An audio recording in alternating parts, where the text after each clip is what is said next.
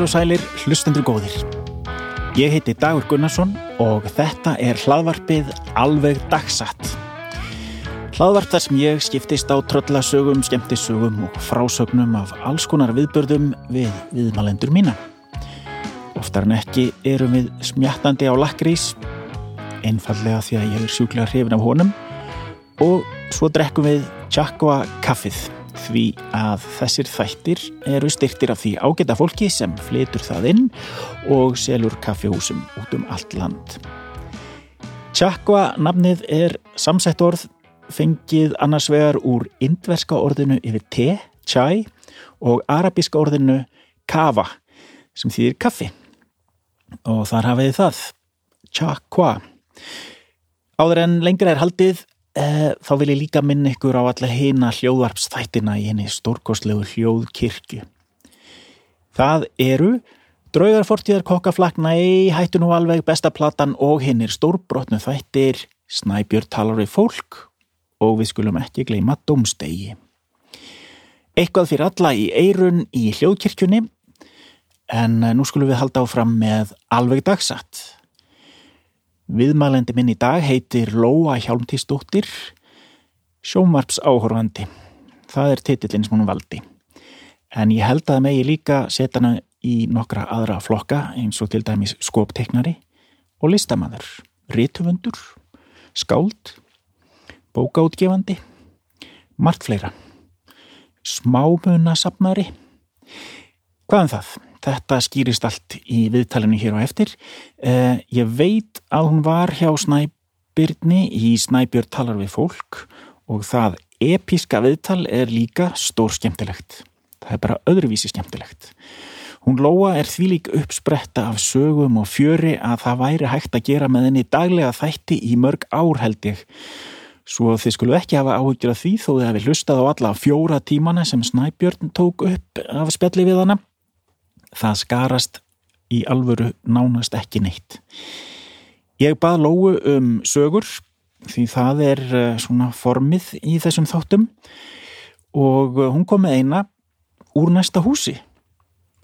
Eh, úr næsta húsi við húsið sem viðtali fór fram í. Alveg ótrúlegt. Því líkt tilviljun. Við skiptumst sem sagt á kattasögum og við rettum um sjómarskláp og margt, margt fleira.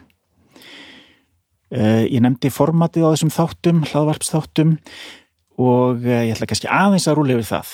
Eh, ég fæ sem sagt til mín viðmælendur, helst konur og ég fæ þar til að skiptast við mig á sögum. Ég setti saman lista af mínum eigin sögum og prentaði hann út og listan, uh, það var allavega meiningin að ég myndi bera hann á borð fyrir viðmælendur mína og láta þá velja sér af svona sögu segli.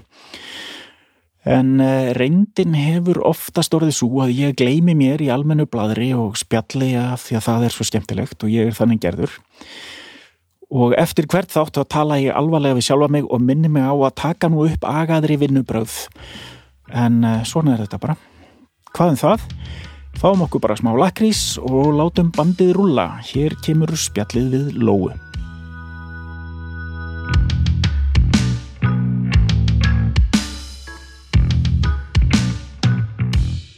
Uh, ég heiti Lóa.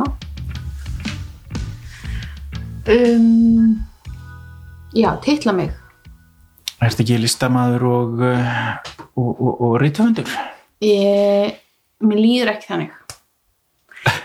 Mér líður, ef ég myndi teitla mig þá myndi ég segja að væri sjómas áhörfandi. Já, já það, það á við marga, Já. en ekki alla. Já. Nei, Þetta er góðu titill.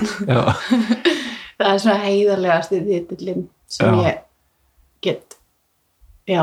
Ertu það sem einu sinni var kallað með, með neikvæðum formerkjum sjómas fíkil? Já, ég heitna, sko,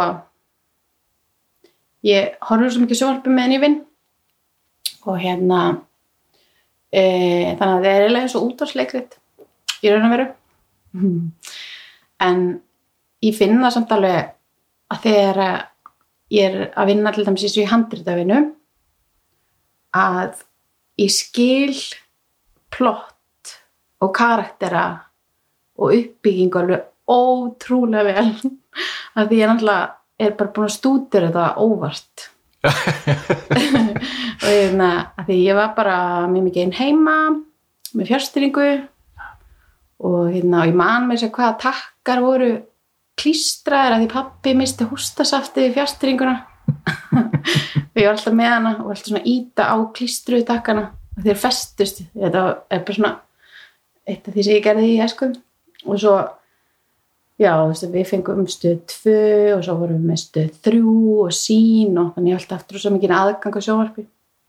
Svo er ég upp í breiðalti þá hérna í stóru blokkunum þú deildu þau oft annarkvort afruglara eða hérna svona já, og vini mínir áttu þannig heimili já, þar sem þú gæst bara að horta MTV og Cartoon Network og öll lætin og ég var alltaf að horfa ég var alltaf að horfa á tónlistarmyndbönd og box. Já, ok. Ég ætti ekki vona þessu. Nei, og NBA ég horfði rosa mikið á hérna í körfubólta og ekki, ég veit ekki alveg. Var þetta í, í Asparfellinu eða þar eða svoleiðis Nei, blokkum þetta er í hólakörfinu já, bara hérna dúpnahólanir og já, já, já, já hinum já, Já. já. en svo eru, sko, svo eru sumstæðar voru svona einhver- einhvers konar formaður húsfélagsins eða einhver nýr í kjallara já, sem var með videotæki sem var tengt við allar íbúðirnar. Já. svo var bara svona bíóstjóri emmitt Já. og hún byrjaði klukkan eitthvað og svo sagði þau já, ég fór ofta að hugsa þetta þegar ég heyrði hérna myndband þetta er engungu ætlað og svo teki fram ekki til síninga í fjölbýlishúsum. Og ég vissi eitthvað um borði í skipum og ekki já, fylg- en ég vissi út af hverju það var já. bara út af þessu. Já, því að það var náttúrulega bara eitthvað að glápa einhver spólur. Já, þetta er svona 80s já og Já. 90s já, ég horfði mest á MTV og NBA og hérna og box og svona rugl á 90 eitthvað. En hérna e, og ég skil ekki alveg þetta boxdóta, voru bara einhvern veginn allir að horfa á þetta. Þess að ég, ég get ekki horta á það sem fólk er að horfa núna hérna að ég hérna Já. ógislu skilmingaþræla já, íþróttirnar. Já, eitthvað svona ki- kickboxing, eitthvað heitir eitthvað. Hérna það heitir NMA nei, MN, ég veit ekki eins við, við vitum þetta ekki en, en það er, þetta er náttúrulega bara því að það er einhver eitt frægur Íslendingur sem er góður Já. í þessu. Já, þá fara allir að horfa á þetta. Gunnar? Bardagalist af einhverju, einhverju gerð já, og hérna um eina sem ég hef áhuga á er blómkálseiru sem er eitthvað svona fylgifiskur þessar íþrótta. Já, mér finnst þetta svo ótrúlega áhugavert. Kóliflórir það er svo, það er merkilegt Heyrðu, ég ætla að heita kaffi. Já. svo skulum við halda spjallinu áfram. Ok. það var einhver saga sem poppaði upp í kollinu á mér þegar þú nefndir eitthvað hérna rétt á hann og hún er hún er farin aftur. Mm. kemur hún, ég veit það ekki. Heyrðu, en það skiptir engum máli, það er nóg af þeim. Mhm. ég, ég ætla bara að taka upp hljóðið þegar hérna, ok, hefur þú hort á hérna ég ætla að leika Jerry Seinfeld. Comedian sem Já. krakkarni kaffi? Já, ég er búin að horfa Ef það, bönir já, og svo getum við talað um kaffidrykkju eða eitthvað. Emmitt og ég kannski útskýr svo líka hérna út á hvað þessi þættir ganga. Já, ég skil. Á ég tala með hann eða bara að sitta já þú ræður ég, nei, nei, við bara umhverfis þetta hljóð. Já, ok. Já, Niðursudóð sem ég kefti í Tjekklandi hún er mjög falleg. Utan að í henni voru pilsur í svona safa sem stóðu svona upp á undan Mér fannst Ég- þetta svo töff að hérna, ég bara fæst í fellunum. pulsur í krukku, ég sé svo leys í hérna pólskubúðin í fellunum. Já, Einmitt, einmitt, þetta er sami kúltúr já, það? Já, Já. Ég var alltaf að borða niður svo spagetti þegar ég var unglingur. spagetti Já, svona hæns, Húps, eitthvað, svona bókstafs eitthvað. Nei, bara spagetti dós. Já, ok. Þetta verið eitthvað svo Það frábært. er svolítið svona útlænst eitthvað Já, en þetta er óalveg hræðilegt, sko. Þetta er en uppbytta spagetti. Með tómatsósu. Svona mala kaffi Já.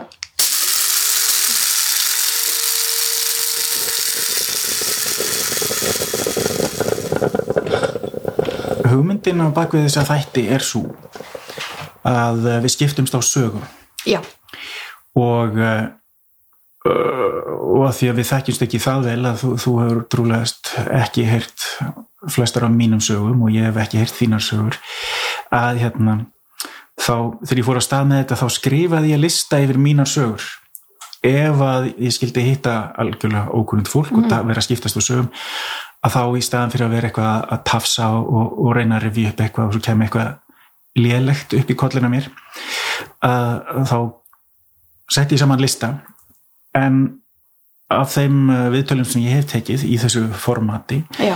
þá, uh, þá hefur, hefur sjaldan verið grepið í list en hann þykir svona bara, já, hann er svona örgisventil ég, ég vil gerna sína þér hans samt sko.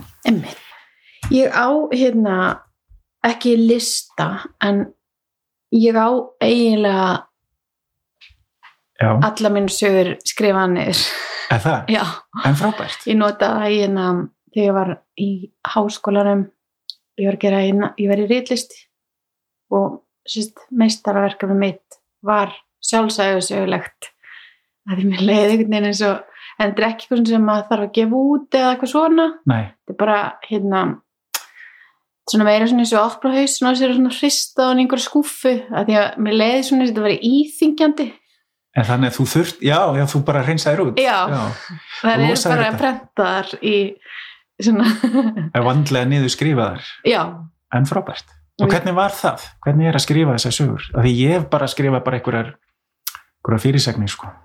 Já, sko ég skal segja þér söguna því hún gerist í næsta húsi hennan fyrir ofan já, á Ljósveinum uh, af því að uh, ég sérst var mjög góður gott barnúlingur en ég átti ótrúlega erfitt með að sérst, gera greinamun á raunveruleika og hugmyndum og draumum og öllu svo leiðis þannig að það vantaði einhverju svona heimlu þannig að ef ég færði í stílinn við að segja sögu þá festist þessi minning Já. og, hérna, og það gerist örugglega hjá flestum en mér varst þetta ótrúlega erfitt og ég, og ég var líka svolítið svona í verkefninu eins og til í því að því að því stundu var ég bara byrja gerðist þetta í alvörunni? Og fannst eitthvað svo erfitt að minningana mína væri bara lígar og hérna og ég byrjaði að skrifa þetta verkefni. Ég var í bíl uh, með, með Kitta sem er með hérna páskaæju útgáfuna. Þess að gaf út þvottadag eftir Jónasarinni og Möggu Bjarna eh, dansara og reytundi og, og listamanni og bara öllu. Og við vorum á leiðinni upp í Odda í svona vettvangsferð. Og ég komst að því í ritlist að pappisnördarnir og svona pennanördarnir sem ég held að ég myndi finna mér til mikilvæg gleði í listaháskólanum voru ekki þar heldur í þessu námi. Og hérna og ég var svo glöð að því vorum öll úrslega spennt að fara upp í Odda nema ég, sé ég mynda mér það en ég er alveg nefnilega þannig. Og hérna og vorum einhvern veginn út um allt allir að spyrja spurninga og allir að pæla einhverjum pappír og onni einhverjum dö- döllum annað eitthvað að gramsa og fengum að taka fullt af pappísafgangum og svona. Og leiðinni hérna í bílum að skipta erum við á leiðinni upp í Odda og ég, þau eru að tala um segja einhverjum svona kattasögur.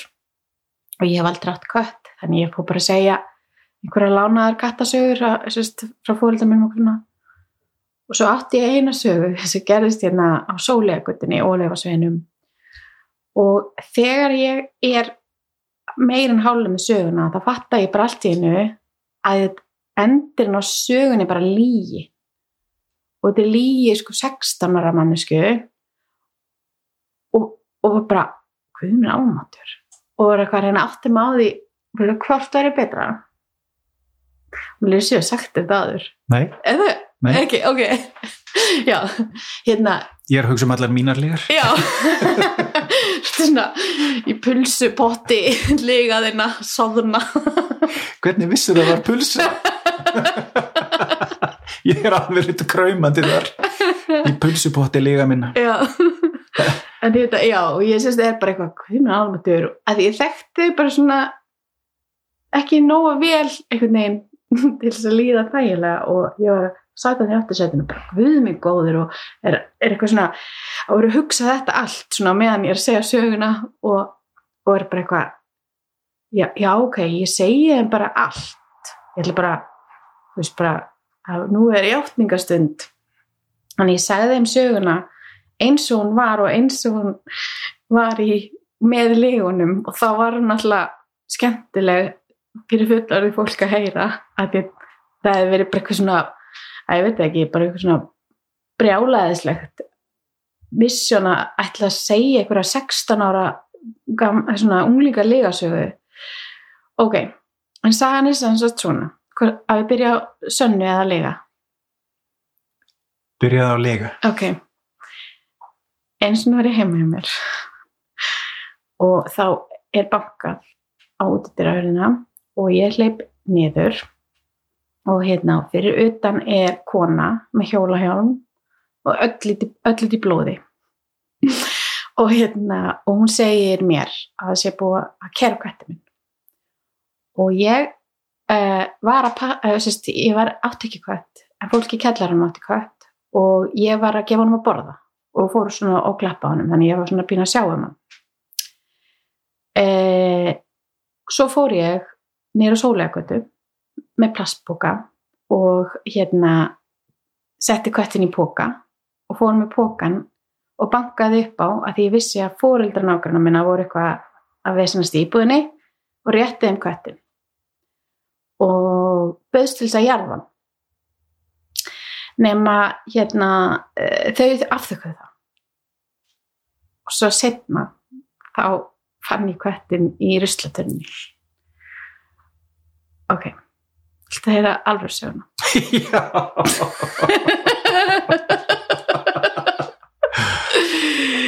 Ég var sérst heima með mér þegar ég var ungur og þá bankaði upp á. Og þá kona með hjóla hjá. Með smá blóð á sér. Og að það var búið að kæra við kvætti minn Mm. og ég fór nýra sóleikvætt með plastboka og náði í kvætti og hafði aldrei haldið á döðum ketti og fannst þetta ógeðslegt. Og leið eins og ég var algjör hetja og fannst náttúrulega erfitt að enginn hefði séð það. Nema svo fór ég með kvættin til fóreldra nágrana minna og rétti þeim kvættin í boka og þau þakkaði mig fyrir. Búið. Var konan með hjálm? hún var með hjálm. Hún hjólaði yfir köttin? Nei, hún var að hjóla og sá kvætt sem hún búið að Ja. ekki að segja það. En fannst þetta svo ótrúlega fyndið því ég átti að maður því að ég var búin að búið til illmenni Já. og keira drama í alveg. Ég er bara búin að hækka um alveg nokkur stig. Og kötturinn í rauðslaturinni var sko köttur sem hétt Haldur Ólafur sem að átti hérna eh, mamma og pappi áttu og það var gert yfir hann og hún var hendi rauðslaturinni Eða þú blandaði saman svona. ég blanda þessu bara saman og hérna og meiri segja nágrannar mínu var svo þakkláttir í alvörunni að þau gafa mér burkna sem Ó. ég skýrði gretti í höfuð á kettinum Eh, en mér fannst svo ógæslega fyndið að ég var búin að búa til íllmenni úr þessu fólki af því að ég held í svona unglingadrama hormónaflæðinu hjá mér fannst mér þau ekki fagna mér eða eitthvað svona asnalegt þau voru ekki nú svona upptíkin að því hvað ég var frábær að koma með döðan kött að því ég er náttúrulega mér varst svo viðbjörslegt að því mér erst allt þú veist ég hef erft með að setja plástur á bönn Já. þegar þau meða sig Já. og hérna, þannig að mér leiði náttúrulega eins og bara einhverju svona, eins og ég ætti skilja að fá einhverju, medalju nema ég setja hann í þessum bíl áttum á þessu ákvað að segja þeim bara báðar útgáfunar og út frá því fór ég að skrifa verkefni með legum og, og svo kallaði sýstu mín mig minningaþjóf að því hún er eldri þannig að hennar minningar eru oft mína minningar. Og var bara einhvern veginn svona grísja og, og hérna og skoða ef það eru til heimildir ef það eru til dagbækur úr einni ferð allra fjölskyldunar og sjónar hérna eins og ólíkt bara svona eins og hann hann að æ, hvað heitir myndin? Rassamon heitir hún það ekki? Það ekki. það er japansku mynd sem held ég sé svona fyrsta myndin þar sem að þú sérð frá fjórum mismundi sjónarhornum og veistir að vera ekki hvað er satt. Að rasjóamón heldur hún heiti. Já, þessu trú ég já. já. Ég verið að ljúa sagði bara eitthvað rasjóamón ah, rasjómón ah, hæ. En ok, já, pulsur. Já, ég átti, átti svona hérna sko ég held reyndar ég sé búin að segja þessu sögu en það skiptir ekki öllu máli sko, það, þetta er bara minning sem að ég ég á, nei ekki þú, nei. Þetta er minning sem ég á, emitt hérðan bara úr um, frá þeim tíma sem að ég, þegar ég bjó í miðstræti þegar ég var unglingur. Og um, og Bjössi, vinnu minn, vorum sáðan í mentaskólanum við fórum á Hallarinsplanið og eitthvað á Hotelborg og við vorum kannski 17-18 ára og uh, svo er fyrir við öruglega blindfullir og fáum okkur pilsur Mhm. í, í vagninum þannig og uh, Bjössi borgar fyrir uh, sínar tvær pilsur og kók með sko með, með tjekka eins og gert var í þá dag hann var með svona svona uh, pleður veski grátt úr, úr yðnaðabankanum og skrifa út tjekka og svo byrjar hann að býti eina pilsu og svo náttúrulega tróðningur hérna á röð og eitthvað. Og það sem gerist er að hann heldur einhvern veginn á mörgum hlutum í einu og hann setur seðlaveskið sitt stóra mikla sem allir strákar og kallar voru með í innan á vasana og frakkanu sínum með einni pilsu með öllu. Og svo gleymist hún þar og svo gistir hann eh, í sófanum heim hjá mér og er svo skél þunnur að fara í sko strætóin í Garðabæ snemma um morgun og bara hver anskotin er þetta, það var bara svona styrnuð köldu pilsa með sinnebi í yrjóta 80s frakkanum hans. Og ég var að rífa þetta upp einhver tíman að stríðunum þegar við hittumst í einhverja endurfundi. Þá hrist hann bara hausum og sagði nei, þetta er bara líð, þetta gerist ekki svona.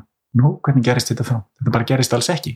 Nú, það bara, ég var svona eh, um það bil að fara að gera þetta og þá sagði ég opp og bopp, þarna minnaði mjó og ég hlóa að honum og fannst svo fyndið að þarna hefðu þetta, ef það verið fyndið svo hefur verið vaknað fyrir maður, það gerðist ekki. Vá, en það segir hann, en þetta er mín menning þannig að já, hvor hefur rétt fyrir sér? Ég hef ekki hugmynd um það. Trúlegast veit ég nú upp á mig lega sökina þar sem ég syndi inn í pilsupotti legana þetta er titill af bók það segði fyndið? Já, amma mín, hún bjó á miðstræti, gott ef hún hafa ekki fæðstar já, og vinnustofunum mín er við hennan pilsuvagn nei, þetta er, ekki, þetta er annar pilsuvagn nú, illt er pilsuvagnin nei, það var eitt svona hjólum í austustræti sjálfu þegar þetta gerist sko. já, fyndi að ég skulum alveg hafa það á reynu austustrætis pilsuvagnin, Já, já, já, ég já. mitt á hjóli fyrir framann pilsuvagnin ok, og fyrir framann stelpur sem að ég þekkti ekki og ég var með aflitað hár og ég var 15-16 ára og uh, var á lánuðu hjóli. Og svona hlýf yfir petalunum þannig að ég, bara fattaði það ekki. Og Já. ég ætlaði eitthvað svona að stoppa og vera töff og segja hæ og svo bara hrundi ég í jörðina og það var svona röð í pilsuvagnin og í minningunni er maður með vídeokameru, þannig að það getur líka bara verið einhver svona æsingur í, í minni. Og hérna og þær fóru og voru svona já, ég veit ekki hvað er orðið við mortified? Það voru svona, Já, vera algjörlega stjarfur af, já, þær voru sérst stjarfar af því þær voru af skömm. af skömm fyrir mína hönd. Já, og sögðu að það eina sem hefði verið verra væri þetta í rúlustíðanum í kringlunni. Mér finnst það svo flott þetta er svona unglinga kvarði. já, eitthvað svona eitthvað, hvað er að vestur sem getur gerst uh, þetta verið rámála já, kringlan var ekki til þegar ég var unglingur. Nei, hún kom emmitt, hún kom þegar ég var 8 ára. Ég fór sko þegar hún var vígð. Já, það, fyrsta daginn. Ógleymanlegt. Ég hef verið tvítugur. Já, þetta hefur verið í ágúst kannski júli Mm. lók júli 1987 ég man þetta bara vegna þess að ég hafði verið að vinna í fiski fyrir vestan um sumarið eftir stúdinsprófið og og svo óvinnilega uppákoma varð að ég um, í staðan fyrir að fara söður með flugvilinni Mm. eins, og, eins og ég hafði pantað og, og, og, og, og samnefndur pilsuvinur, hann Björn við áttum flug þarna söður þá fengum við óvænt far sko með uh, svona rækjudalli eða svona Já. litlum tógara skulum við segja og það var alveg ævintýri og margar sögur uh, í þeirri ferð nema hvað að, að þannig ég kem og sagði einhvern frá þessu þannig ég kem óvænt heim til mín í slorgalanum beinlinni sko bara í appi svona gulu buksunum með, með hérna axlaböndin og allt með sjóriðu að því ég hafði ekki verið mikið á sjó og ég var búin að vera sko andvaka bara af því að uh, ég var svo sjóveikur. Og svo fengum við far frá hérna, Keflavík og ég bara ding dong mæti og þá er mamma bara á leiðinni Mhm. og bara nei hæ, áttur þú ekki að koma í næstu viku? Og bara skiptum fött og við fórum beint í kringluna. Þannig ég stóð, sko það var náttúrulega tróðið þetta var allir fór að skoða þetta musteri og ég var bara með sjóriðu á marmaranum í kringlunni og fannst ég ekki eiga heima þarna og mér líður eiginlega mjög oft þannig þegar ég fer ánga aftur. Vá. mér líður alltaf vel í kringlunni er það, er það svona, svona móðulífs tilfinning ég ferði okkar í alvörunni ef mér líður illa eða leiðist eitthvað þannig. Og bara rávar um já, ég bara ráði um. Og setur það svona á bekk hún í- kom þegar ég var átt ára. Já, ég skil, ég skil. þannig að það var innan hús góðspurnur og ég bygg franskar og búið sem sýsti mín var alltaf að steli fyrir geðu ef þú hlustar á þetta.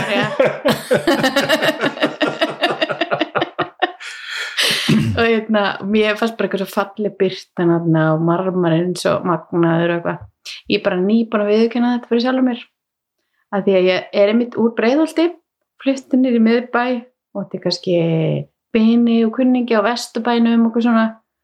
Mér leiði allt eins og ég væri ekki nú fín og gáfuð og þú veist ég kunni bara smá að píano og eitthvað svona eitthvað svona minnum að það kjent þannig að ég hef ekkert verið eitthvað svona já við ekki að það eitthvað fyrir sjálfur mér hvað minnst kringlan æðisleg. Að því að ég þetta er ekki að að þetta sé vestlunum að því að mér líður ekki svona í smáralindinni nei, þetta er bara staðurinn þetta er að bara staður þar sem gæst farið inn og verið í útlöndum og verið einhvers þar annar staðar. Fyrir þess að þetta sé einhver svona höll sem er svolítið fyndið en hérna líka svona pínu pathetic. Ég skil það mjög það er sko hérna, versluna miðstöð í útkverfi í Stokkólmi sem hefur alveg sömu tengingar það. fyrir mig. Já, að því að ég var tíu ára og, og ef maður fór þangað það var rúlustígi og ef maður fór þangað þá þýtti það að maður fengi kannski eitthvað smá dót eða eitthvað gott eða eitthvað.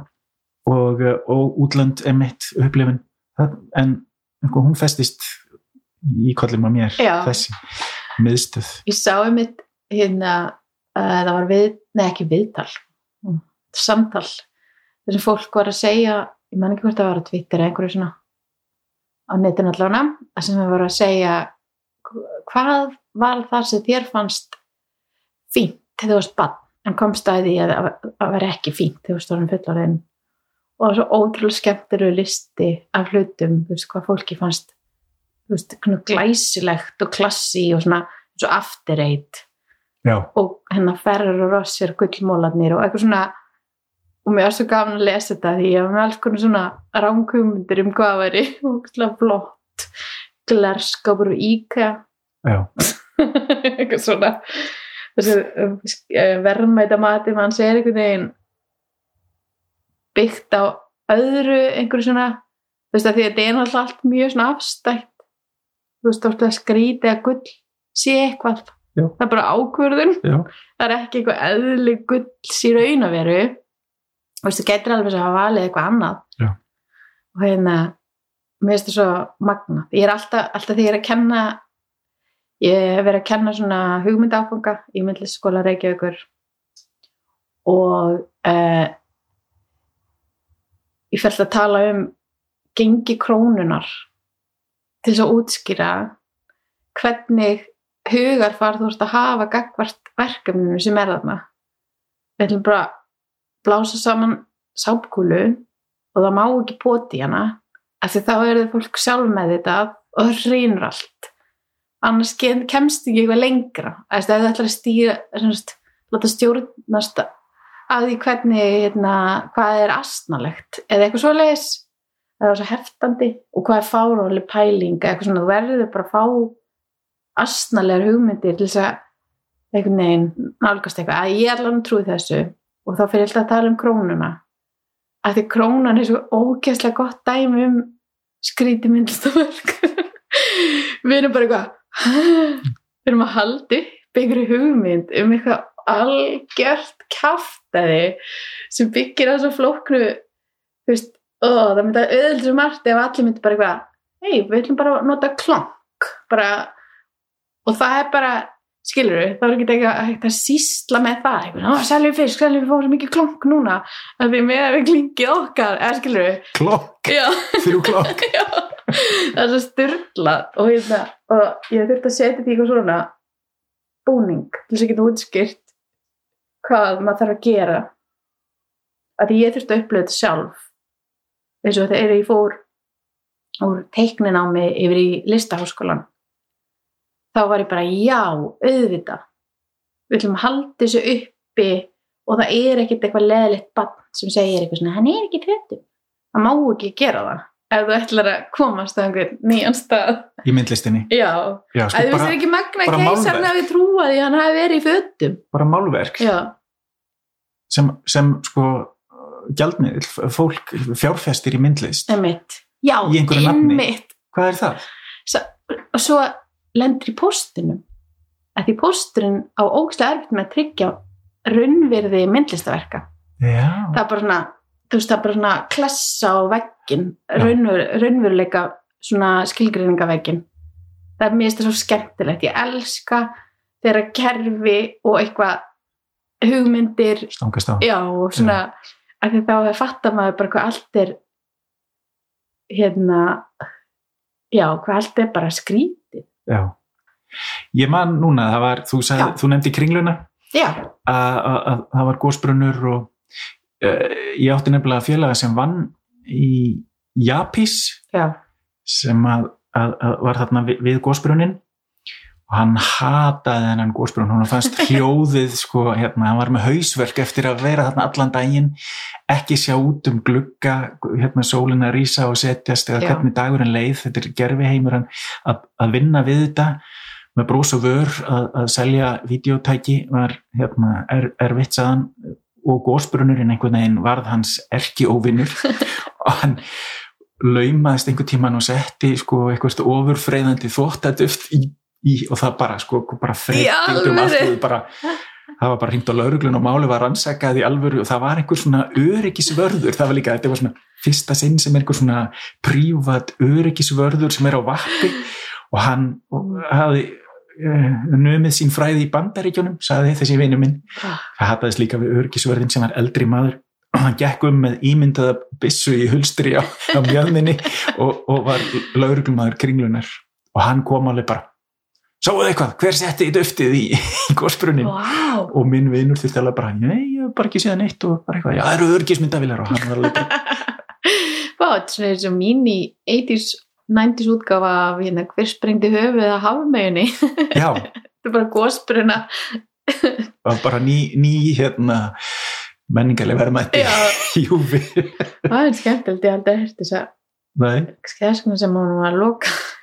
Kannski, kannski, ég vann líka í kringlunni, ég var vann í dótabúinar já, og hérna uh, og ég borðaði mitt alltaf næsti mitt utan dýra það er ekki hægt að vera endalust nei, en ég læriði alla textana af nýdönsk bara óvart af því að að Björgun Halldórsson hafi verið svona kringlu DJ-in og það var bara þú veist bara, ég veit ekki bara nýjulega fresti eitthvað bara eitthvað svona en ég kannast mikið að textum sem ég, að því ég neytist til að hlusta á það. Og þetta kalla frá minningar, Já, Já. og hérna já, ég var að vinna með stelpu sem að að fyrsta samtali sem ég ætti við hana þar sagði hann ég er, ég fráskilin tvíkinneið og batnið mitt er með sjálfgefan blóðsjúkdóm. Og ég hugsaði svona þetta verður langt sumar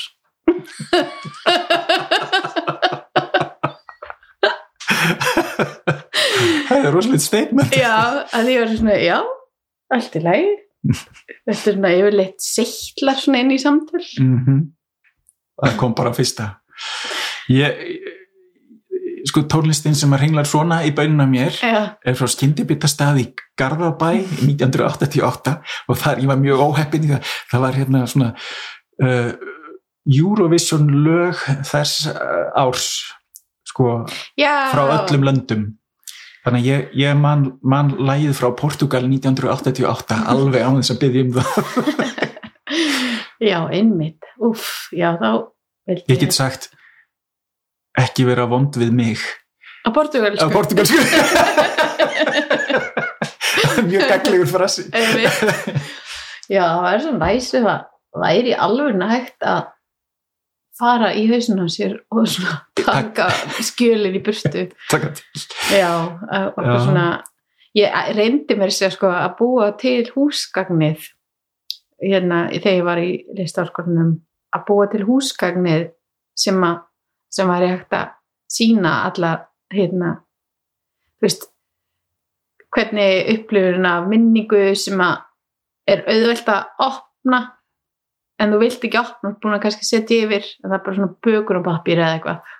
Og svo reyðis ég var alltaf með eitthvað svona ógeðslega rugglingslega plön um að útskýra eitthvað. Já. ég hef kannski bara átt að fara til sálfræðing eða eitthvað. Vandræðilega minningar geta líka verið hérna, til, til vansa. Já, þegar maður leikur og oh, einhver samtöl uh, detta á hjóli fyrir framann ungum stúlkur, eitthvað sem er sko 40 ára gamla minningar sem að enginn er að engjast yfir nema þú.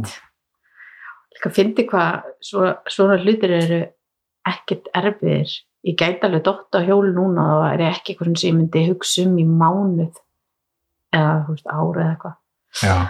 Ég fór einmitt hérna, þegar ég bjó hérna neyri bæ þá náttúrulega byggu allir vini mínir sem ég umgæst mest upp í breiðholti. Og ég vildi ekki skipta yfir í Östubæðaskóla ég tók allt stræta upp í breiðholt og ég líka. Já það, ég fór inn í söður í Hafnarfjörð. Ég vildi ekki fara í Östubæðskóla hvað var það Östubæðaskóla? heyrðu, ég get alveg sagt þér það. Já, já, því ég nefnilega hérna, tók viðtal við uh, skólamistaran mm, uh, fyrir nokkrum árum, hann er nú látið núna. Og ég, sag, ég játaði þetta fyrir honum svona, þegar ég var búin að slöfka upptökutækinu. Já, ég átti nú reyndar að vera í Östubæðaskóla, Mm. sko, þá var á þeim tíma hafði hann verið nýbúin að taka við skólastjórnin eða eitthvað slis já, já, hvaða árgerð ertu? Ég sagði hann það 1967 já, 67 árgangurinn já, já, já, hann hann er eftirminnilegur, ég sagði nú, hvers vegna?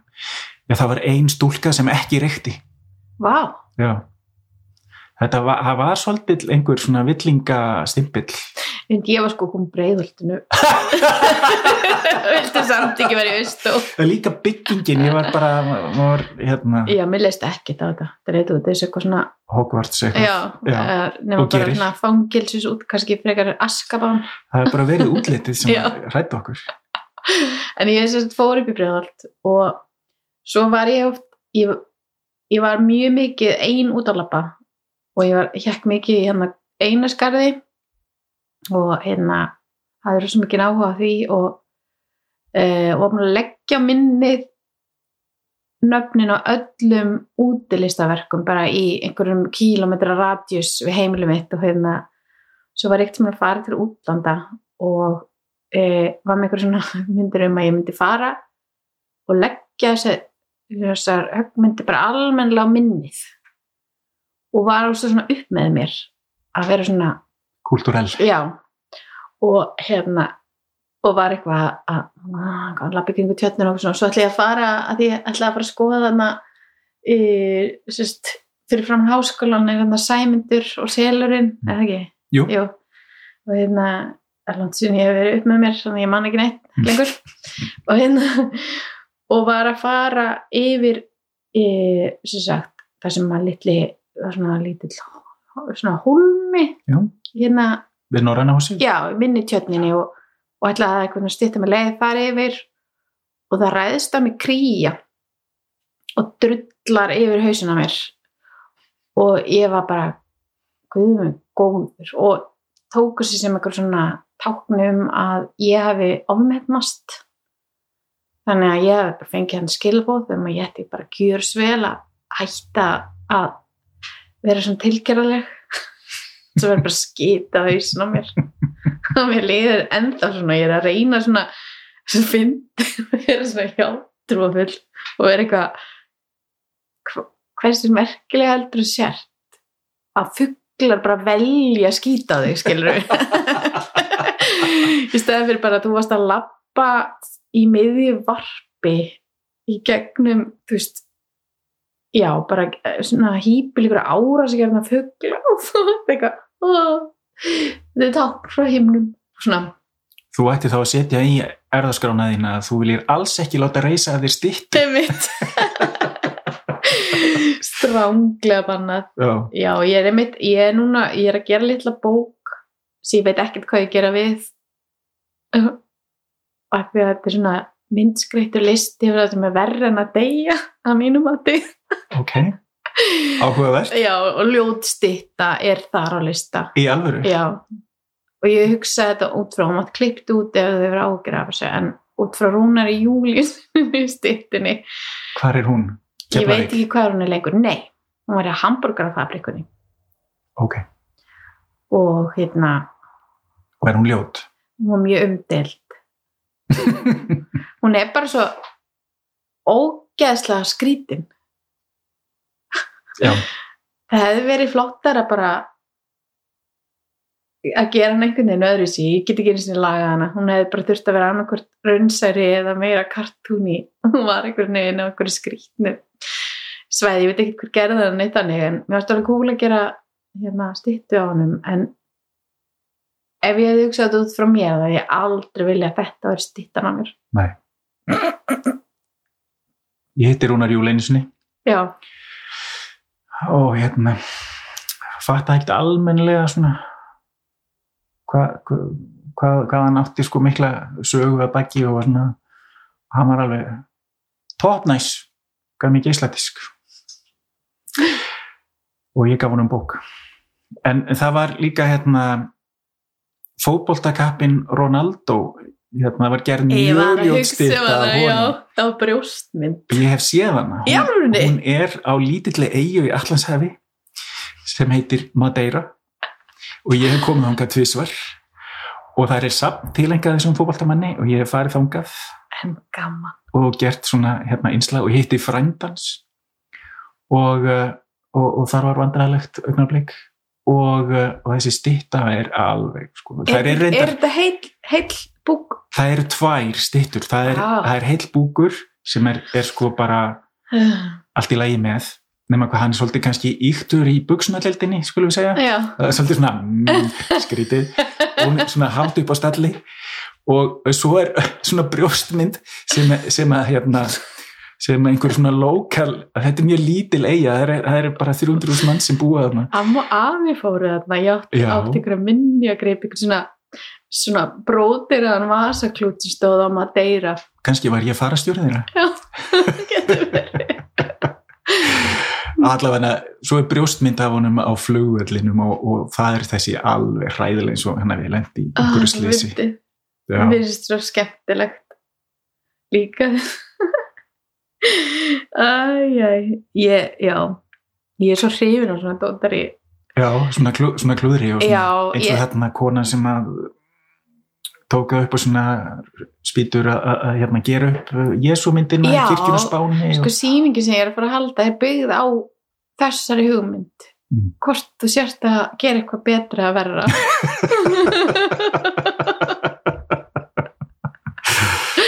Ég meina að því að það er líka svo afstætt bara kannski er þessi stytt af Ronaldo og Ronaldo Júl bara ógislega flottar og tæknilega já, mikið snill ég er alltaf að horfa á hérna alltaf, ég er búin að horfa á tvær serjur af hérna glerblásara já, hérna já, ég líka.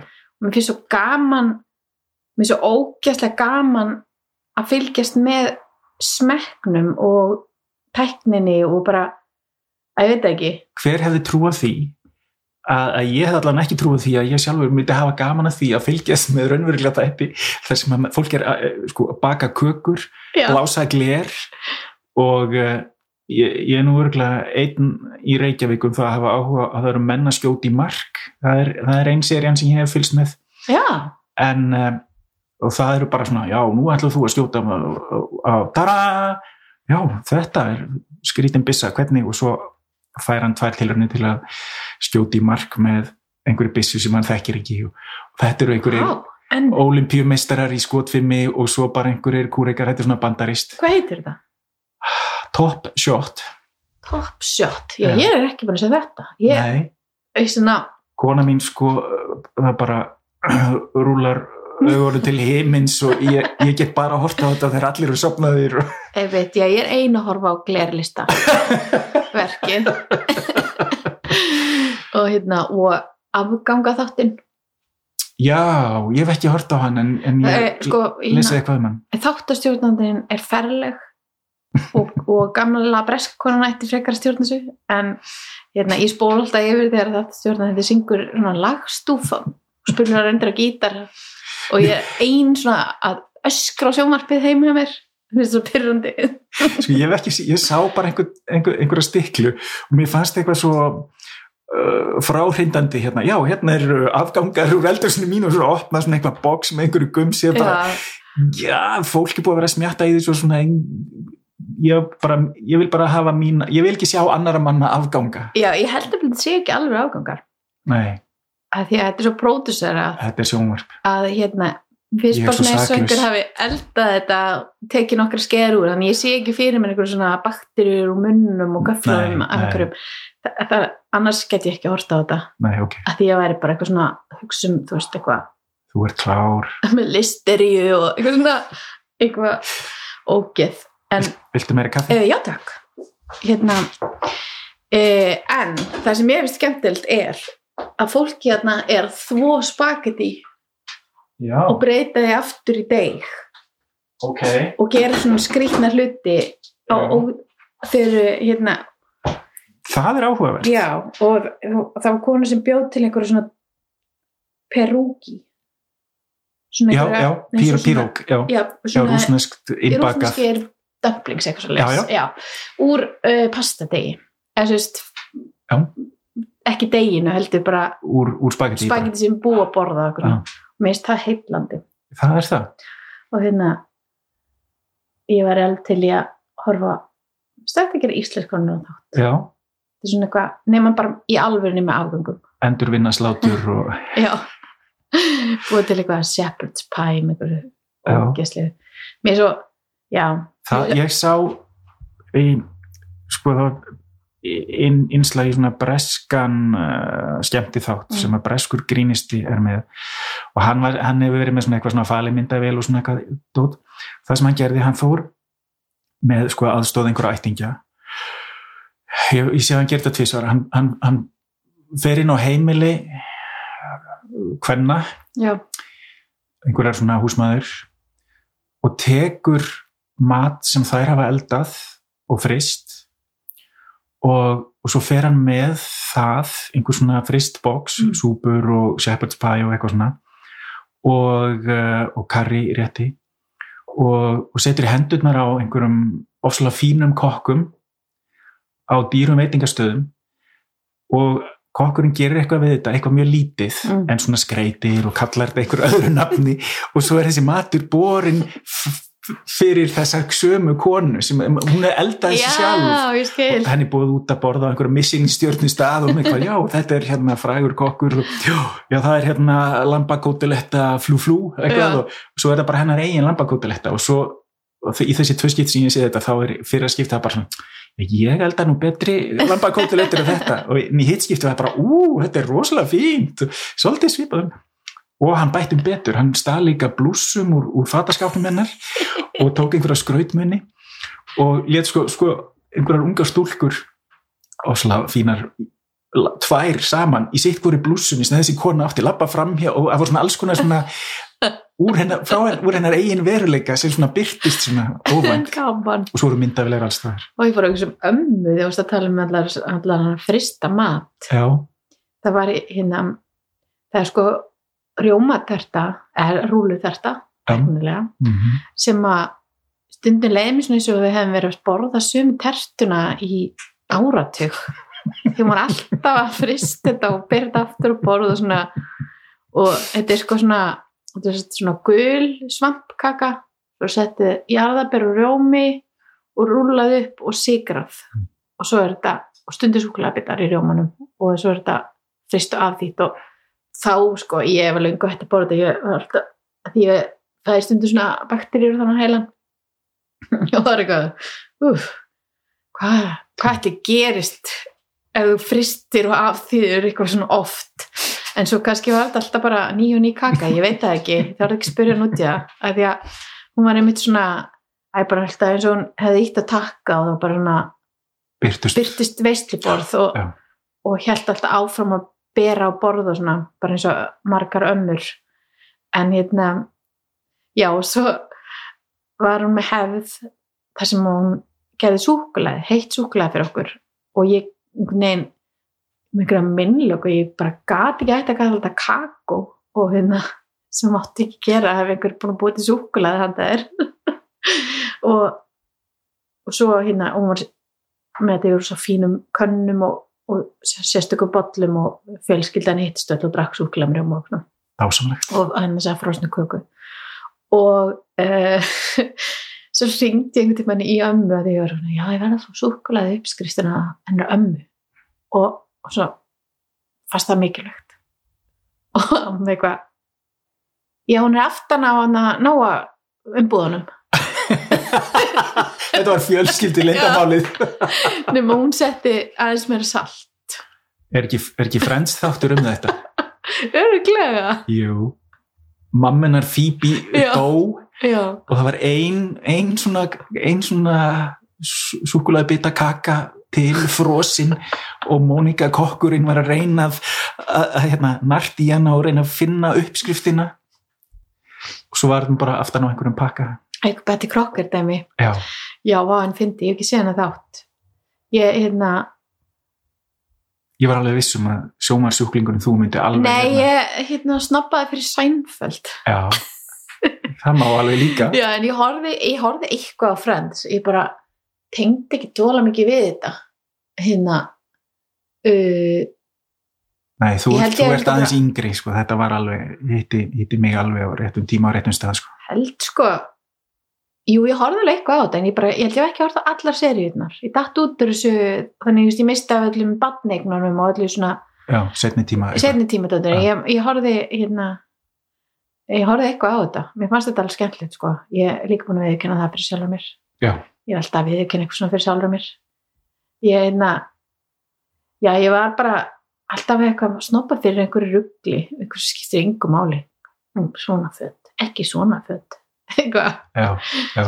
Sáum mitt áhrifavaldum daginn í kroks skóm við erum veist ég misti nefnkirtlana út um nasirnar. Og svo hissa. Bara heimur minn fór á kvolf Kroks og hérna úkubómsurnar Já. já, var svo hissa. Ég held að það væri búið að flokka þetta einhvern veginn. Já. Einmitt. og ég líka, já, ég sko mér finnst þetta svo ótrúlega áhugavert. Að því núna get ég farið í Sputnik og komið út í nákvæmlega sem fötum og ég var í 8. bekk nema ef myndi tala við mannesku sem lítur út eins og hún hafi verið með mér í bekk sem bara einhvern, einhvern ungling þá eru þau með hugsanagang verslinga Já. á mínum aldri Já. svona merkjasjúkt lið sem finnst allt í lagi að einhver, þú veist bara tattu er einhvern orkudrykk á þessu, eða skilur Já, og ég bara þú veist, svo að ef ég hugsa þetta lengra þá er ég bara, skiptir því alvörinu máli? En mér finnst bara svo áhugavert að þið eru klætt eins og fólk sem var með svona mikrostillingar á hlutunum sem ekki svona, "Ö, ekki lusta þetta. Oh, nei, aldrei. En svo ef þú ferð að skoða þetta og hérna, já, bara eitthvað spons, bla bla bla, þú veist David Bowie var í Pepsi-auðlýsingu Já. Þessi, þetta er ekki svona svartkvítt eins og ég upplifði það. Nei, og ég er alveg svona ennþá veist, að ég veit ekki, það er stutt í ungling hjá mér.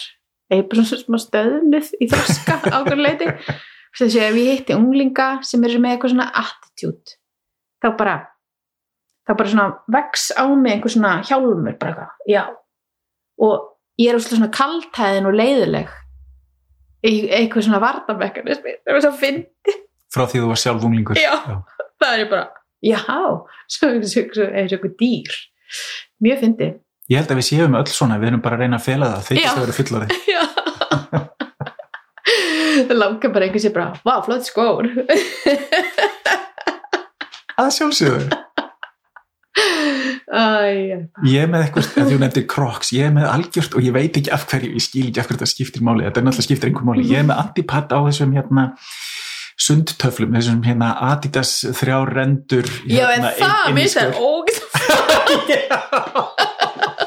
Ég er var að leita þannig að ég er alveg svona tísku fasisti ég bara íþróttir og tíska eiga ekki að blandast saman löngu bara blandast saman já og oft og Já. mismunandi skeiðum og það fer einhverju hlutavegna í töðunar á mér Ég held að fólk sem er framúskarandi í tísku ger ekki að greina munin. Bara eins og hérna, hérna, hefur séð brótiruðu flíkurnar sem hann, hérna, James Merry sem gerir grímur fyrir Björk. Hann bara brótir svona págögg á nækmerki og, og, og tekur eitthvað svona já, og færið eitthvað svona nýtt samingi ok, og hérna, hljómar vel. það er ótrúlega fallegt. Og eitthvað svona sem ég, ég myndi aldrei geta gert neitt svona af því að ég er ég veit ekki, ég er bara eitthvað svona lítill 90s hater og breiðult Já. þú myndi ekki geta gert eitthvað fallegt úr nækpeysu, ég myndi Nei. frekar eitthvað svona okkur ertu? Pælu næk eða eitthvað svona. Og hérna, já ég veit ekki. Ég held að þurfir að vera þetta opinn. Ég held að mín versta martröð þegar ég var stundum farastjóri á Sólaströnd, það var að þurfa að fara í svona næg versmiðju svona svo kallað outlet þar sem að íslensku Sólarstranda hérna farþegarnir fengu alveg, það var alveg óskilinlegt fyrir mér, þau voru fróðufellandi yfir því að geta keift uh, Nike bóli og Adidas skó fyrir lítið. Já. Ég skil það núna en þegar þetta var þá var ég sko þá bjó ég í útlöndum í, í áratug í London og svo fór ég stundum og var farastjóri á Spáni. Þannig ég var ekki, ég bjó ekki á Íslandi ég var ekki alveg sko á kafi í, í kringlu Íslands, Já, já, íslensku já. menningunni og eh, en svo fór ég að vinna sko að þjóna þetta fólk. Og ég var bara ekki að hugsa um sömu hluti. Og ég Vist, bara þurfa að vera þarna bara að fara í rútu, sérstaklega rútuferð. Já.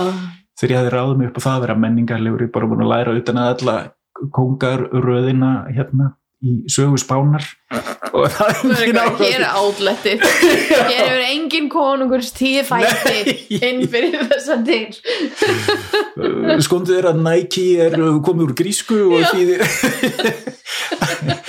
engin áhuga því. Nei, alveg sama.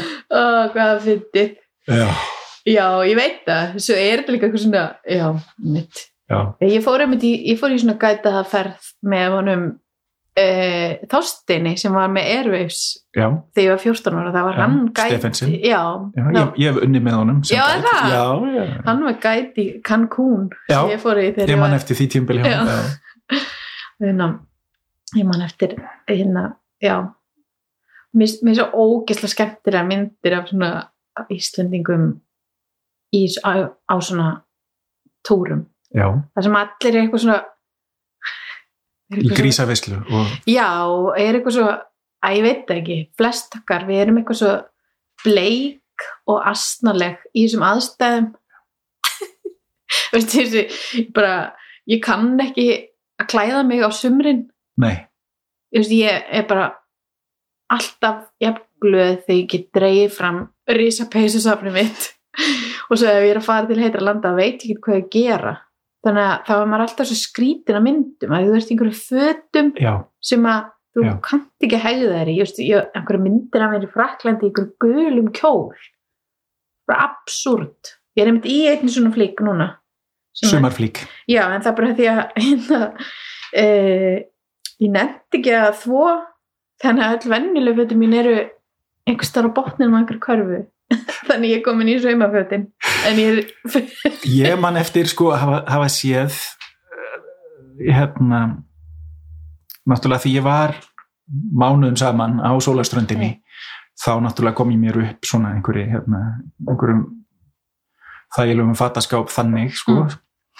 en ég man eftir að hafa séð sko, karlmenn, íslenska bankastarfsmenn sem að leið mjög illa voru kannski í spariskónum sínum og svörtum sokkum og einhverjum Já. stuttbuxum sem höfðu passað fyrir einhverjum árum síðan.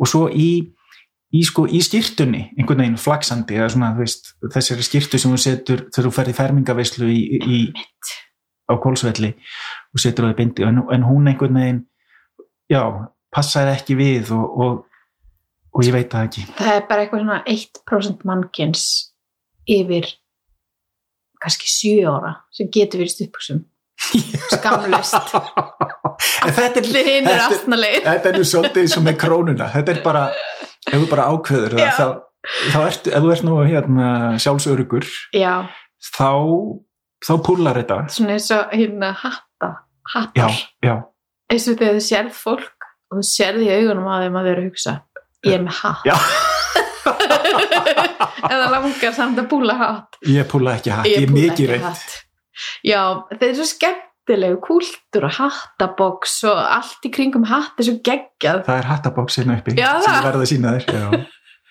mér finnst þetta frábært og Ah, svo er ég, ég er bara ekki með karakter í hatt. Nei, og það er okkur þess vegna sem ég gera svo mikið grína fólki með hatta út af því að ég held ég bara öfundi þau. Ég líka algjörlega sko pappi minn, hann misti hári frekar snemma já, bara um þrítugt.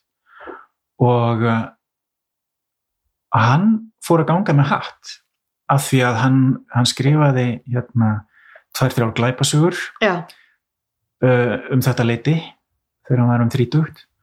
Og hann fór á einhverja svona norræna ráðstefnu glæpa sagnahöfunda og það var mjög cool og töff uh, danskur rithöfundur Jan Turell sem að sagði hver er þú? Já, ég er hérna Gunnar, ég er frá Íslandi Mm. skrifaður glæpasugur? Já þú verður að ganga með hatt svo drukku þeir hérna mikinn bjór og Jan Turell fór með hann og kifti á hann hatt og það bara lúkaði mjög vel og svo kom pappi heim og fór að vinna á vísi eða einhverju svona blaði og það byrti svona mynd af hann með hattinn þegar hann var að skrifa einhverja pistla. Og eftir það var hann bara maðurinn með hattinn í Reykjavík. Vá. Og hann púlaði þetta svo er rosalega. lægið um hann? Nei, ég þekki ekki lægi maður svo- með hattir stendur upp í staur. Já, það er miklu eldra það er miklu eldra, borgar ekki skattin en svo var, þannig var ég svona á einhverjum unglingsmótunar árum og mér fannst þetta bara mjög flott hjá pappa já, og uh, mér langaði, ég fór í Guðstein og keifti mér hatt, en ég keifti einhvern svona púkalegan, einhvern svona með, með stu, stu, litlu barði og ég fann það bara, ég var eins og þú varst að lýsa ég var bara lappað um með hérna, ég er með hatt ég er með hatt, já, en veistu það ég er búin að fatta þetta bara af því að það verður einhver Dani mm helst -hmm. að fara með ég og vísa þér Þú þarft hattinn. greinilega svona, já, svona einhvers konar initiation. Já, Já. þú þarft greinilega hérna, mann þarf að vera búið í hattaheimin. Sko, ég er bara ákveða það nú frá sögunum ég held að sé bara rétt því ég fór svo e, þegar ég bjó í London e, þá, þá ég þá gerði ég svona leiðsögubók um borgina, Mm. einhverja göngu leiðir og söguna og eitthvað og eitthvað.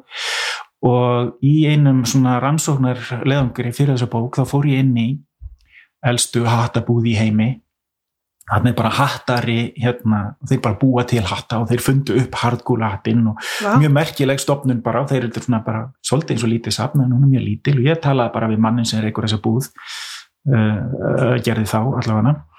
Og uh, hann síndi mér græði sem að þú myndir örgulega fíla sem er bara svona eitthvað steampunk græði þetta lítur út eins og eins og ritvel sem, sem er búið að snúa við á röngun einhvern veginn með svona með svona, æ, þú veist þess að þegar maður ítir á leikil að þá fer svona stafurinn og slæst á, á eftir, á einhverju svona stöng og þessar stangir er einhvern veginn liggja svona utan á velinni núna og svo set, sett hann þetta á hausin á mér og þá fóru þessar, þessar stangir svona ringin í kringum hausin á mér og svo ítt hann svona hérna upp á kvörlinum, sett hann lítið svona eins og, eins og papírsnebil svona vasslita papír einhvern. Já, svo í þrýstan þessu öllu svona saman og þá myndaði svona lítil eh, nákvæm kópía af því hvernig höfuðlag mitt er og svo er farið með þetta í aðra vél sem að býr til hattin og Vá! þetta er sko bara uppfinning frá 1850 eða eitthvað allavega og ég tók þarna mjög skemmtilegt viðtal og myndir og var alveg heillar að þessum, þessum vélum frá, frá 19. öld sem að hérna, nákvæmlega mæla á þér hvernig höfuðlagið er og, og svo, svo játaði fyrir honum. Ég er mjög hrifin af sixpensurum og húfum og höttum en ég bara, ég, ég er asnalegur með, ég, ég máta hatta og ég prófa hatta þetta, ég, ég púlaði þetta ekki. Hann satt í svona skrifstofstól fyrir framan svona, svona fínt borð með mörgum skúfum í svona eitthvað og fyrir aftan hann voru svona svona, uh, svona eins og hólf sem hann setur póstin í, þú veist svona mörg lítil hólf og hann satt bara og horfði í augun á mér og sagði já þetta er þetta er algengt, ég heyri þetta oft. Svo horfði hann rannsangandi á mig og svona ég sá mig í fyrsta sinni í einhverju hatta samhengi og svona ég sá hvernig hann mældi mig út og hvað myndi fara þessum asnalega manni vel. Og svo án þess að taka augun af mér þá bara hallaði hann sér aftur tegði sig í eitt hólfið og, og tók í barðið á svona upprúluðum hatti og bara flippaði honum fram og sagði þetta er hatturum fyrir þig. Eins og svona töframaður og ég bara svona fúnt, það var þetta svona ferðahattur af fedora gerð. Og ég tók hann hatt og sett hann á mig og ég bara leiti í speil og bara, vá þetta er hatturum fyrir mig. Vá! og hann sagði bara, já, vá hvað kostar svona hattur? Og þá nefndi hann sko uh, íbúðaverð skiluru, allavega hérna nokkra mánuða leigu í London ég bara, já, ég ken kannski bara aftur og svona upp sækjan og ég hef aldrei efnaði að kaupa Ó hattin minn, nei, þú voru að selja kjarvalverkið þitt. Erval fyrir hatt. Já, svo, fí, Já. svo fíkur út, út, út á ytri höfn. Jésús minn, en magnað. Mitt ég sá stöða, ég held ég held þetta myndi virka bara alls með grímurnar. Já, mannstu hvað var afsnáltar með grímu Já. fyrir bara sjö mánuðum já, síðan? COVID grímina Já. já, og svo það er eitthvað svona critical mass. Já. Sem að maður var alveg Já, við ég- hittumst þeim mitt á götu og maður var meðvitar með þetta og það var bara Ég- maður sem lappaði framhjá og gerði grína mér fyrir að vera með grímu. Já, ég lendi því líka og þá var maður eitthvað svona, en þú ert í áhættu hópi þannig að þú ættir ekki að gera grína mér. Ah, það er betra kompa það virka bara allir lífistega vínu fóreldra hérna. hérna, já, sko. Hérna, ég nefnilega fór með sýstudóttur minni í hagkaup og sett á mig grímu af því að það var komið að því, eða það var ekki komið grímu skilda en ég var búin að skinja það að þetta væri nú væri þetta svona. Og hún horfði á mig eins og ég verið asnaleg. En við vorum ekki búin að taka nema kannski svona 30 skref inn í búðuna ef þó það. Þegar hún lítur svona á mig og ég sé hvað henni líður illa þá það er bara já skiptin, Já. nú hafa þau átt sér stað og þú ert astnaleg. Gerðist hann og já, þegar hún uppgötaði þetta. Já, og mér fannst það svo áhugavert því mér spyrum vandralt fyrst að setja mig grímuna því að það var bara svolítið svona snemma í grímunotkunni skrítið og núna er allir með grímu og, svo, og fólk sem er veist, í stórum borgum í Asíu er bara já, af hverju er ekki með grímu? Hvað er að ykkur? Veist, við hérna í Svifriks paradísinni já, allir bara gríma fárlegt og svo núna finnst engum það fáranlegt nei. Nema það er ennþá spurningin hvort þú sért með grímu á laugaveginum. Skilur eins og það sem ég hitti þig. Já, ertu með þetta alltaf og utan þér sérstaklega. Ég, er mjög mikið, að- ég veit ekki okkur í pæli svona hlutum ég pæli mjög mikið í svona hlutum. Ég líka. Og hérna en þetta snýst um einhvers konar fjölda og hver er með þetta og eitthvað svona.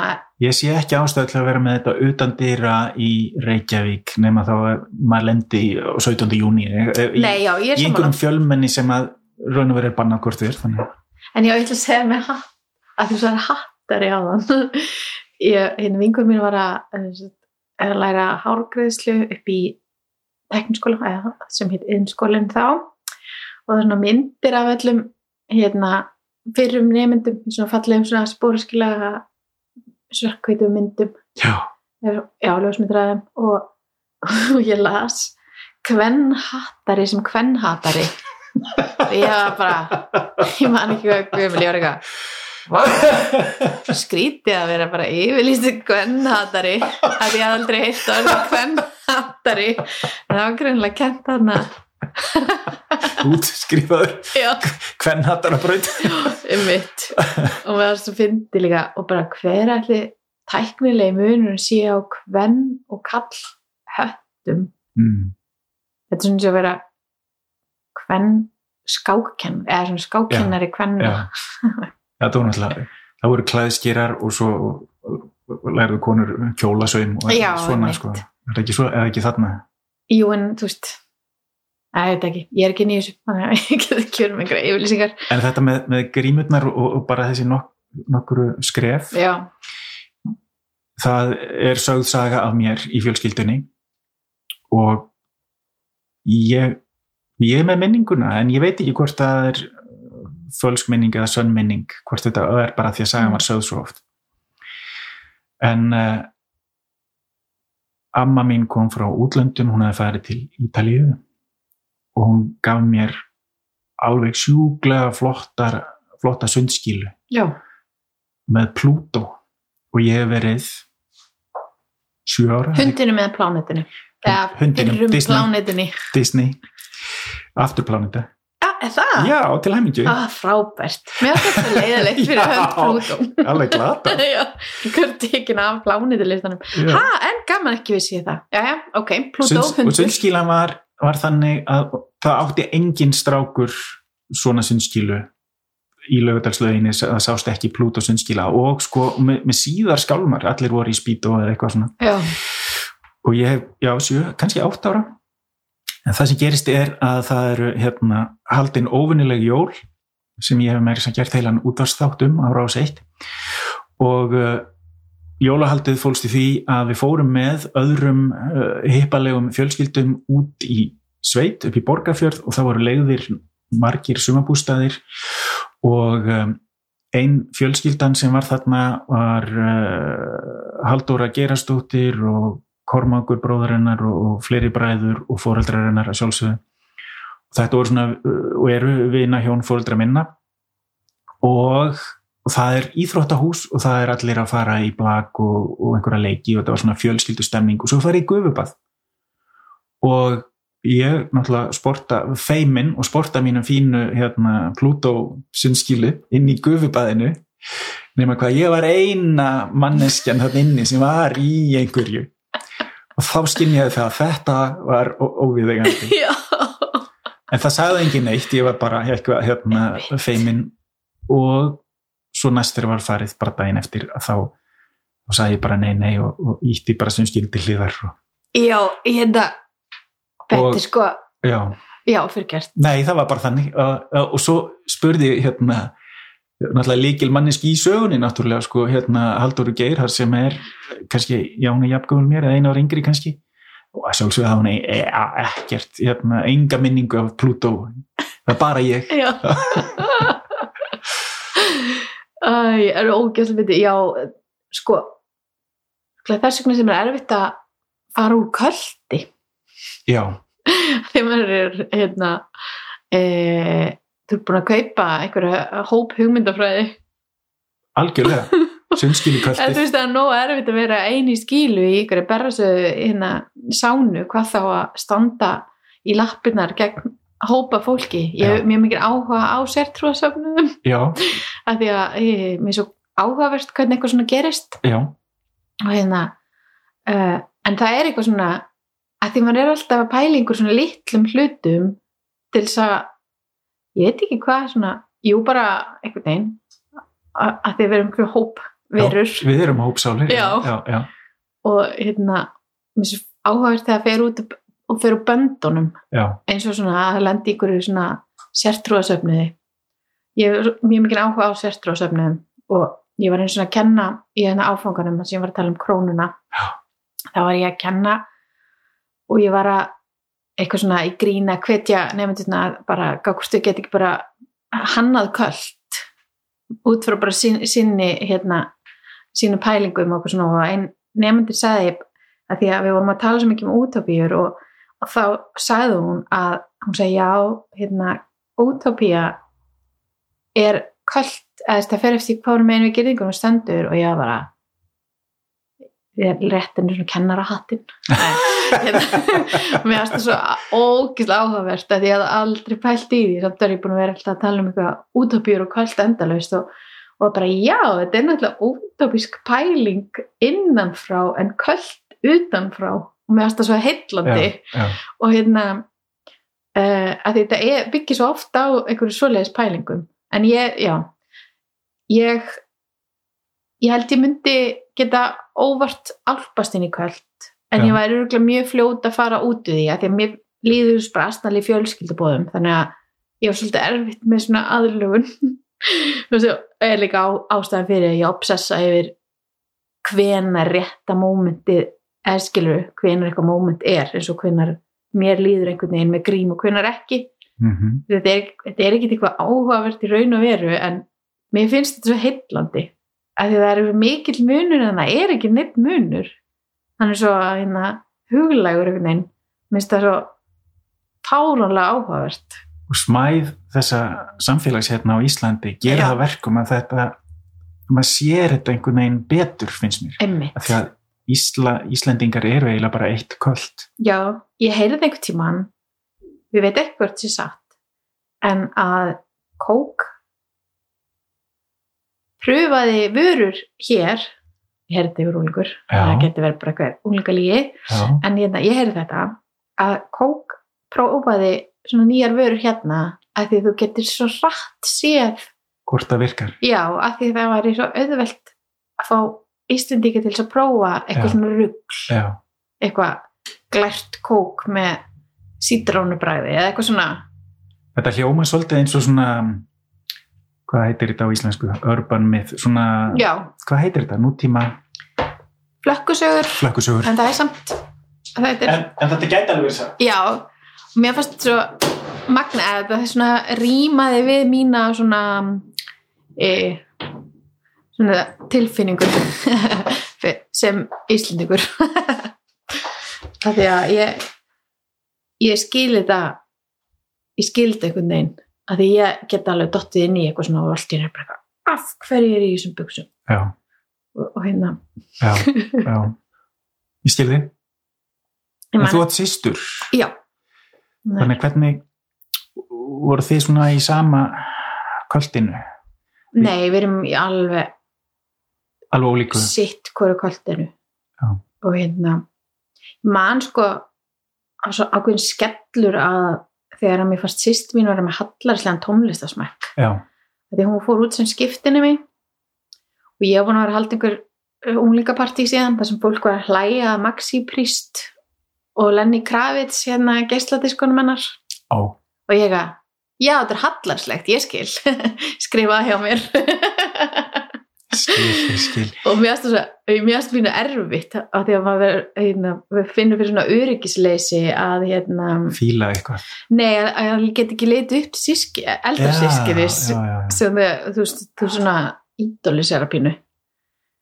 Ég, sko, ég hef oft spáði þetta með tónlist og, og hérna talandi um sértrúasöfni sko, ég, ég, ég lendi bara mjög oft í, í þeim aðstæðum að fólk er alveg bara oi, þessi hljómsveit eða þetta eitthvað. Og ég er bara, hvað, af hverju? bara af miljónir manna að kaupa plötu með U2 já, og ég hef alveg bara hérna 1989 voru þeir bara með eitthvað hérna rosalega flott lag. Og ég var ekkit að hérna spá í það. Svo núna í dag, að þetta er bara fyrir hérna auðmingja sem hugsa ekki sjálfstætt bara, af hverju, er það? já, ég veit það ég, er með, eða Dire Straits eða já. eitthvað svona ég er einmitt með ástæðalösa inngróna fordama fyrir YouTube já, alveg bara svo mikla en að hvað ég, myndir þú gera Mm. ef þú værir á pub í Dublin og Bono og The Edge lappa inn og fá sér pindu og setjast við hliðina þér, hvað, hvað myndir þú gera? myndir þú segja þið er nú svolítið lúðalegir. Ég myndi ekki segja neitt. Ég taka myndaði með laumi og þetta hópsfjalli anstigla hópsfjalli mitt. Og ég er nefnilega með svona mynd. Já það, sagði ekki neitt við þá? Nei, ég fór að spjallaði við það já það, já, já. where do you buy your sunglasses Mr. Bono? And what, nei uh, já, ég veit það ekki. Ég, þeir vildu bara tala um hérna gengi krónunar og hérna bankarunni og hvernig sem sagt eh, bröstu ísinn? Eða, ég fór á klósittu að pissa. Já. Og ég var búin að drekka kannski þrjár pintur á Guinness og borða eitt flugupoka og ekkert annað. Og þegar ég svona fer á klóstu þau hugsaði nei, nei, ekki, verður cool ekki hérna, en þetta var mjög lítill pub, þetta var skil. sko bara svona hverfis krá og uh, bara tól manns að inni sko, eitthvað svo leiðis og allir sko, þetta var ekki svona einhver túrista eða, eða stóra eitthvað trendi mm pub eða neitt svo leiðis sko, þetta var bara lokal fólk sem hafði greinlega séð á oft áður. Já, ég skil. Og þetta var svolítið svona eins og ef að Björk fær, fær inn á hérna, kaffi í vest eða eitthvað svo leiðis mm -hmm. Allavega þe þegar ég sé Björk þá bara yfirleitt lítið í hináttina sko og læt hana alveg afskipta lausa sko. Ég held að hún vilja ekki heyra það að ég hefur hlustað á plötunar hennar en er alveg nákvæmlega samið það. Og Já, ég sé fólk að reyna að taka myndir af henni á veitingastað. Já, og var eitthvað svona uh, erfiðar aðstæður af því að hérna, þú ert í þeirri aðstöðu að þú gætir í alvörunni bara bættir líf einhvers já, um mjög háa prósent sem fræmanniskja en þú ert líka bara að reyna að borða og þau eru óþálandi Mm. eða svona bara hvað þú gerir? En uh, já, svo kem ég út á klósitinu þarna og þá er ég búin að ákveða að ég ætla ekki að vera að abbast upp á þessa menn. En þá hérna alveg.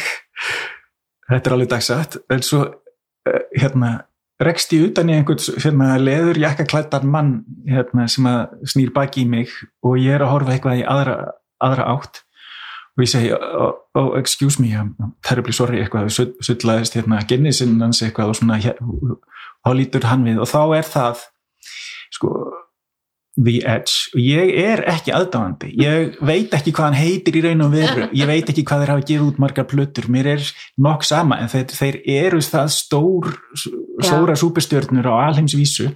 Að auðvitað veit ég hver hann er en ég vissi ekki hvort hann væri bassaleikari eða gítarleikari eða Nei, nei. neitt svoleiði sko.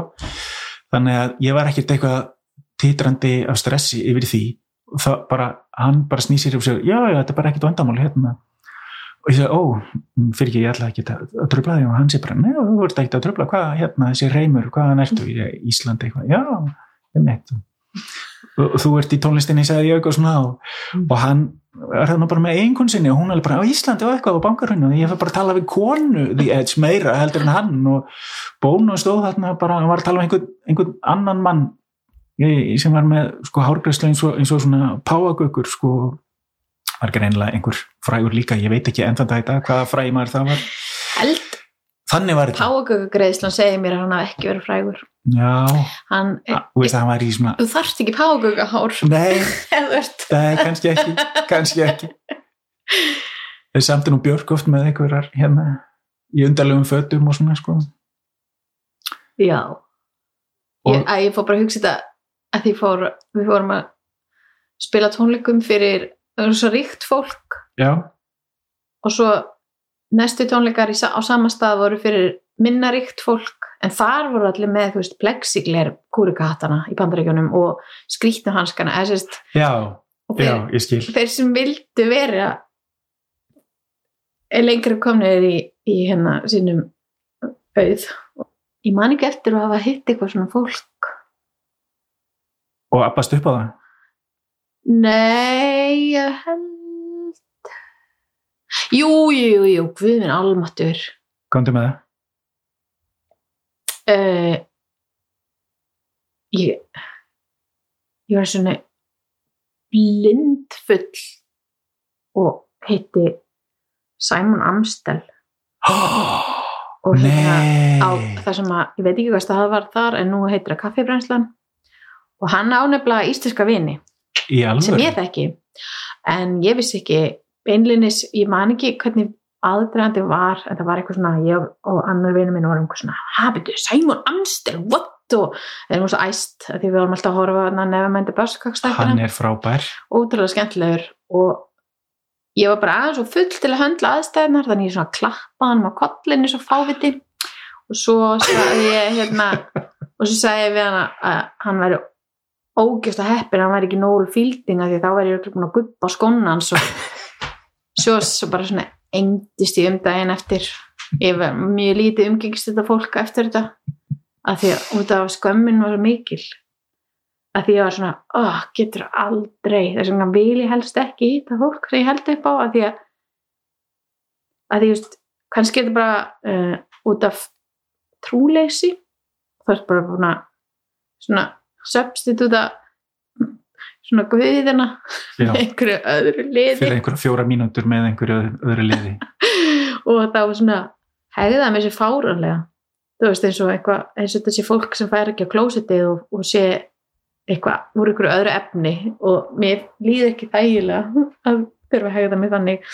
Af því að síðan hef ég prófað mjög, reynda mjög sjaldan en ég hef verið að hínum einn við borðið og hérna og lendi í svona skrýtni þjóðverjum sem að hafa aðrar hugmyndir um mig heldur en ég hef um sjálfa mig og það er ósa einkennilegt og óþægilegt. Og hérna svona já þannig að ég vil helst ekki lendi í svona aðstöð Nei, ég skil það ég skil það. En ég veit ekki hvort ég hef mér hegðum mér illa nált bónu og ég held ekki upp á hann. Það tengist bara ef, ef mér finnst eitthvað fólk vera alveg virkilega frábært og ég upplifi eins og ég, þekki þau en ég ger það ekki í raun og veru. Nei, ég let Bónu alveg vera. Ég bara hérna talaði við þennan Edge og konuna hans. Já, og það voru bara eðlilegar samræðir þannig lagað og svo bara fór ég Einmitt. eftir sko bara einmitt fjóra mínútur og eina selfie og uh, ég sagði mér ég, ég hef ekkit að segja við þetta fólk sko. þannig varst að taka selfie hann sagði allir haldið að vera að ljúga Já, mér fannst það svolítið fyndið sérstaklega þegar kona mín var bara beigð handaði með hátnið og dagur og hans lega sögur mannstu Já. pulsu söguna já, þetta er allt ekki bara enn önnur pulsa Ég jakka var- var... ég varð að fá mynd. Reyndar þá bauð hérna eiginkonan þá þjónustu að taka mynd af okkur félagunum. Og ef þú sérð myndina, ef ég finn hana þá lítur þetta svolítið út eins og að hérna, The Edge hafi, hafi grátbeðið mig um að fá að taka mynd. Hann er alveg svona sp- sperrtur eitthvað, ó ég er hérna með Íslendingi og hérna hann hefur hitt Björk og eitthvað og þeir eru náttúrulega að hafa spilað með hennu og, og ég er meira svona bara allt í lagi, ok, tökum sem mynd. Ég er ekki tannig í stuði fyrir þetta. Held að síkumálarnir hafi túrað með já, já, já, Já. Það, var, það kom til tals. Og, einmitt, Mm. já. Veit ekki okkur ég veit þetta? Nei, þetta er svona eitthvað sem ég sópað upp. Já, heyrðu Lóa, við erum búin að tala allt og lengi, þetta er frábært rosalega gaman að spjalla við þig, takk fyrir Sömuleiðis. takk fyrir söguna þínar takk sem leiðis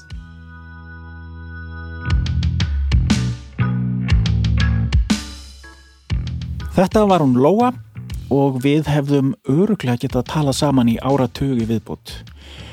En lífið setur okkur skorður við hvert fótmál og uh, því verður vel rúmur klukkutími að duga að þessu sinni. En hún Lóa fær ekki bara kaffi, hún fær líka úthugsaða gjöf sem ég hef valið handinni. Þetta er bara þannig þáttur. Við höfum úr digrum sjóðum að auðsa og við látum að sjálfsögðu viðmælendur okkur okkar njóta af því. Hvað ætti ég nú að gefa henni lóu? Býtu nú við, já, ég veit. Hún er svotan snilli að hún fær sinn eigin myndasögu gorm til að skoppa um miðborg Reykjavíkur á.